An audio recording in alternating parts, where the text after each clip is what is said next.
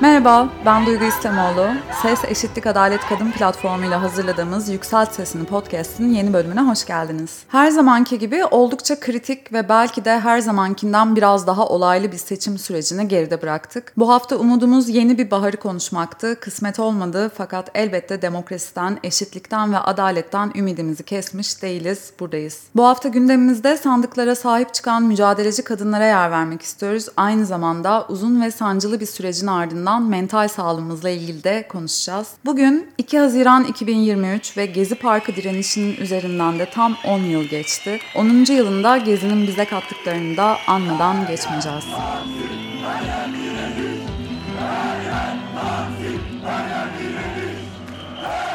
10 yıl önce Gezi Parkı direnişiyle çok şey öğrendik. Demokrasimize sahip çıkmayı, keyfi ve usulsüz uygulamalarla şehirlerimize, parklarımıza kışlalar yapılamayacağını öğrendik. Sokakların gücünü gördük, bir arada olmayı ve hep birlikte ses çıkarmayı öğrendik. Kolay olmadı, çok büyük acılar yaşandı. Gencecik insanlarımızı kaybettik. Binlerce kişi orantısız polis şiddeti sonucunda yaralandı. Telafisi olmayan kayıplarımız oldu. Ancak bugün Gezi'nin 10. yılında rahatlıkla söyleyebiliriz ki bu direniş bize bize çok şey kattı. En önemli kazanımlarımızdan biri de yurttaşlar olarak demokrasiye sahip çıkmak için örgütlenmemiz oldu. 2014'te kurulan Oy ve Ötesi Derneği o zamandan beri yapılan 8 seçimde aktif olarak rol aldı. Gönüllü sandık görevlerini örgütleyen Oy ve Ötesi aynı zamanda seçimler tamamlandığında tutanakların geçerliliğini kontrol edebilmemiz için de çok kapsamlı bir sistem oluşturdu. Bu seneki seçimlerde Oy ve Ötesi'nin gönüllü ağı 200 bin kişiyi aştı. Oy ve Ötesi Derneği'nin genel sekreteri Ahus'un medya Medyaskop kanalında Işın El içine şöyle anlatmıştı. Biz 9 seçimdir aynı şeyi yapıyoruz. Gönülleri organize ediyoruz, gönülleri çağırıyoruz. İnsanları sandığa gitmeye motive etmek istiyoruz. Demokrasi bilincini desteklemek istiyoruz. Diyoruz ki hep beraber gelin sandıklara sahip çıkalım ve evet bu konuda da pek mütevazi olmak taraftarda değiliz. Sandığa sahip çıkmak kavramı ilk defa oy ve ötesi tarafından kamuoyuyla tanıştırılmış kavram. Görüyoruz, takip ediyoruz ve müthiş de gurur duyuyoruz açık söylemek gerekirse. Bunun yayılmasını, diğer sivil hareketlere de yayılmasını, partilerin de bunu daha bilinçli bir farkındalıkla ele almaları bizi de çok mutlu ediyor gayet tabii ki. Bu seçim seçimlerde de Oy ve Ötesi'nin açıkladığına göre platform aracılığıyla sandık gönüllüsü sayısı ilk turdan sonra 3 katına çıkarak 210 bini buldu. Millet İttifakı'nın sandık güvenliği platformu olarak kurulan Türkiye Gönüllüleri ise ilk turda 110 bin gönüllüyü organize etmişti. İkinci turda bu platformun da gönüllü sayısı 213 bine ulaştı. Yani toplamda 400 binden fazla gönüllü ikinci tur seçimlerinde sandık başındaydı. Özellikle kadınların sandık görevlisi ve gönüllü olarak bu seçimlerde çok aktif olarak rol aldığını gördük. Twitter'da da çok konuşuldu. Kadın gönüllü sayısının çok daha fazla olduğu dikkat çekti. Seçil Türkkan T24'te Hazal Sipahi'nin programına konuk olduğunda konuyla ilgili şunları söylemişti. Oy ve ötesiyle tanıştığımda da bana kalırsa bir dişil enerji hakim ortama. Yani biraz daha yatay, nispeten hiyerarşisiz, kibar, birbiriyle daha nezaketli iletişimler kuran insanlardan bahsediyoruz. Bu işin bir diğer tarafı. Ama diğer bir başka kısmı da kadınlar hayatlarını değiştirecek bir şey için aslında herhangi bir sorumluluk almaktan kaçınmıyorlar. Ve bu bir sorumluluksa eğer sandık başında durmak, bir gün müşahitlik yapmak tam da bunun içindeki insanlarmış gibi geliyor. Gazeteci Seçil Türkkan yaptığı araştırmalarını seçim güvenliği için sandıkları korumak başlığıyla kitaplaştırdı. 2023 başında yayınlanan Sandıkları Korumak kitabında çeşitli bölgelerden ve kimliklerden insanların sandık müşahitliği deneyimlerine de yer veriliyor. Biz de Seçil Türkkan'a birkaç soru sorma fırsatı yakaladık. Demokrasiye sahip çıkan vatandaşların sayısının gün geçtikçe artmasını Seçil Türkkan şöyle yorumluyor. Önceki seçimlere e, göre e, bu bu toplu örgütlülük hali önemli bir şeydi. E, bu muhalif cephede daha çok muhalefet tarafında aslında gönüllüler tarafından sağlandı.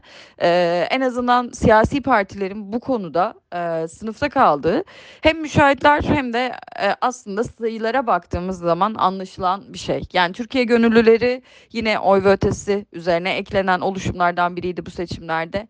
E, partiler örgütlendiler ama toplasanız 500 bin kişiyi geçemedi.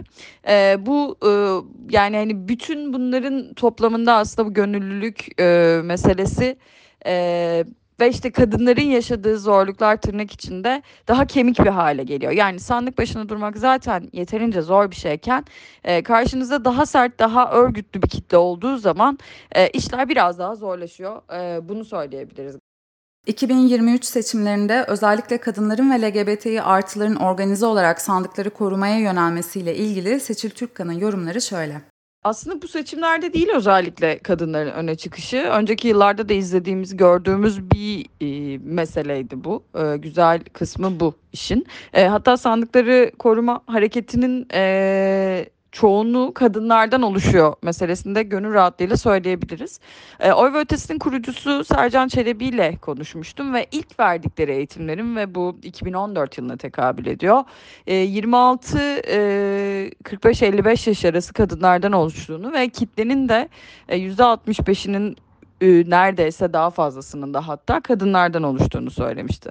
Dolayısıyla özellikle bu seçimlere has bir şeyden bahsetmiyoruz. Kadınların e, sandık başında duruşu oluşuyla ilgili. Ya yani bütün bunların cevapları çoğaltılabilir ama bana cevap emek yoğun meselelerde kadınların daha e, özenli olmasıyla ilgiliymiş gibi geliyor. Bir diğer cevap şu olabilir. Değişime olan e, inanç e, kadınlarda belki biraz daha e, motivasyon buluyor olabilir ve yine tabii 62-84'ün burada isminin geçmesi şart belki de e, 62-84 sayılı kanunun kaldırılmaya çalışılması, mecliste Hüdapar, yeniden Refah gibi partilerin olması e, Türkiye'de en çok kadınların canını sıkan şeyler.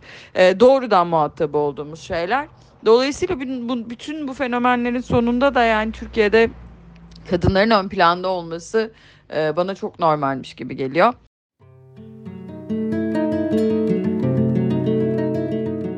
Kadınlar için sandık başında olmanın zorlukları da vardı. Özellikle sandık başındaki iktidar yanlısı erkeklerin tavırları bizim için oldukça zorlayıcı oldu. Türkiye'nin her yerinden çeşitli usulsüzlük haberleri de aldık. Aynı zamanda ne yazık ki görevli ve gönüllü kadınların saldırıya uğradığı, sandık başında sindirilmeye ve engellenmeye çalışıldığı da oldu. Seçimlerden önce şöyle ilginç bir şey daha olmuştu. Türkiye Cumhuriyeti'nin İçişleri Bakanı Süleyman Soylu çıkıp sandık gönüllüsü olmanın kanuna aykırı olduğunu iddia etmişti.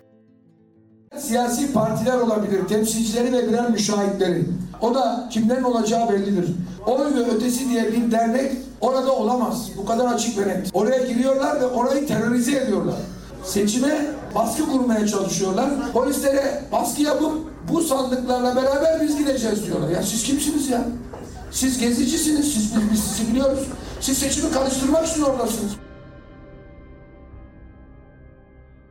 Dezenformasyon yani yanlış bilgilerin yayılması belki de en çok seçim zamanlarında bizlere zarar veriyor. Ancak doğru olmayan iddiaların bizzat iktidar tarafından ortaya atılmasıyla gördüğümüz zarar gerçekten de endişe verici boyutta. Süleyman Soylu'nun açıklamasının ardından elbette avukatlar, akademisyenler, hukukçular çıkıp her vatandaşın sandık başında durmaya hakkı olduğunu ve Soylu'nun iddialarının kabul edilemeyeceğini açıkladı. Ama iktidarın bu söylemi bir kez duyuldu ve sandık görevlilerini engellemeye çalışan ve seçim günü karışıklık karşılık çıkaranların sayısı hiç de az olmadı. Evrensel'in derlediği haberde Türkiye'nin her yerinden seçim günü yaşanan usulsüzlükler derlenmişti. Göz atmak isterseniz haberin linkini açıklama kısmında bulabilirsiniz.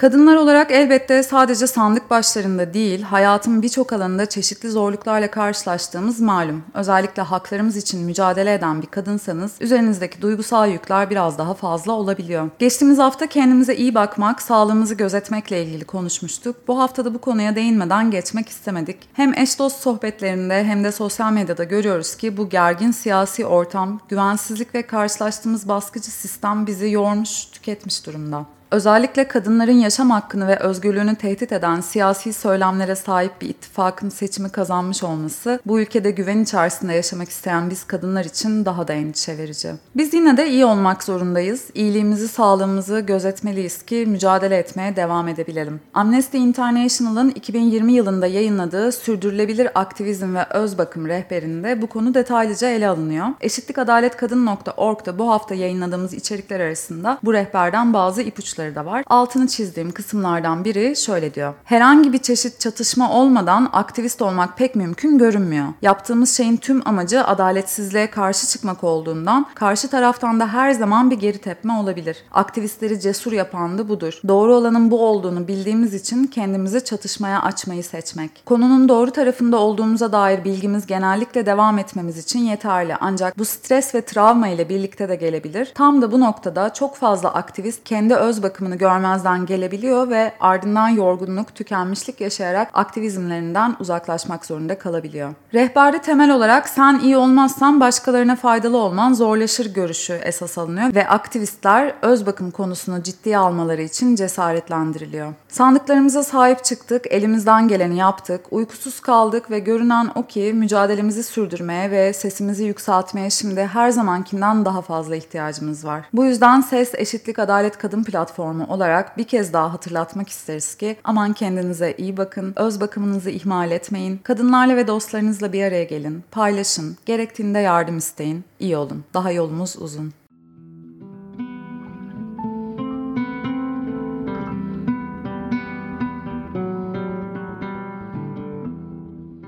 Gezi Parkı direnişinin üzerinden tam 10 yıl geçti. Bu 10 yılda çok şey kazandık. Dayanışmayı, direnmeyi, bir araya gelmeyi öğrendik. Bugün seçim güvenliği de dahil olmak üzere birçok konuda halk hareketine ve demokrasiye olan inancımızı tetikleyen, bize gücümüzü hatırlatan hikayelerimizden biri olarak anacağız Gezi'yi daima. Programa son verirken Gezi direnişi sırasında kaybettiklerimizi de anmak istiyoruz.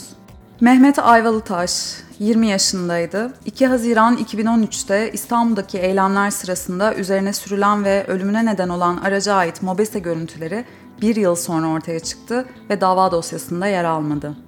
Abdullah Cömert 22 yaşındaydı. Antakya'daki gösteriler sırasında 3 Haziran'da bir ara sokakta başının arkasından gaz fişeğiyle vurularak öldürüldü. Ethem Sarısülük 27 yaşındaydı. Ankara'da polis tarafından 13 Haziran'da başından vuruldu. 14 gün yoğun bakımda kaldıktan sonra öldü. Ethem'i öldüren polis memuru Ahmet Şahbaz önce hapis cezası aldı ancak sonrasında 15 bin lira para cezası ödeyerek serbest kaldı. Ali İsmail Korkmaz 19 yaşındaydı. 2 Haziran 2013'te Erdoğan'ın kendi kitlesini sokağa davet ettiği gün Eskişehir'de eli sopalı kişiler tarafından ölümüne dövüldü. Eylemci olduğu için acil serviste gerekli bakımı alamadı. Kendisine ancak 20 saat sonra tıbbi müdahale yapıldı ve 38 gün komada kaldıktan sonra 19 yaşındaki Ali İsmail Korkmaz aramızdan ayrıldı. Ahmet Atakan, Eylül 2013'te Hatay'daki protestolar sırasında polis tarafından başından gaz fişeğiyle vurularak öldürüldü. 22 yaşındaydı. Ahmet Atakan o gün Abdullah Cömert'in katillerinin bulunması için eylem yapan göstericiler arasındaydı. Berkin Elvan 16 Haziran 2013'te Ok Meydanı'nda polis tarafından başından gaz fişeğiyle vuruldu. 269 gün boyunca komada kalan Berkin Elvan öldüğünde 15 yaşındaydı. Davası 8 yıl sonra sonuçlandı. Ölümüne sebep olan polis memuru kasten adam öldürme suçundan 16 yıl 8 ay hapis cezasına çarptırıldı. Mehmet İstif, Mersin'deki gezi eylemleri sırasında yüzüne doğrudan biber gazı sıkıldıktan sonra dil kökü kanserine yakalandı ve ertesi yıl 36 yaşında hayatını kaybetti. Adana'da Gezi Parkı göstericilerine müdahale eden güvenlik güçleri arasında yer alan komiser Mustafa Sarı, yapımı devam eden 5 metre yüksekliğindeki alt geçit köprüsünden düşerek ağır yaralandı ve 27 yaşında öldü. Acılarımızı, mücadelemizi hatırımızda tutarak yolumuza devam edeceğiz.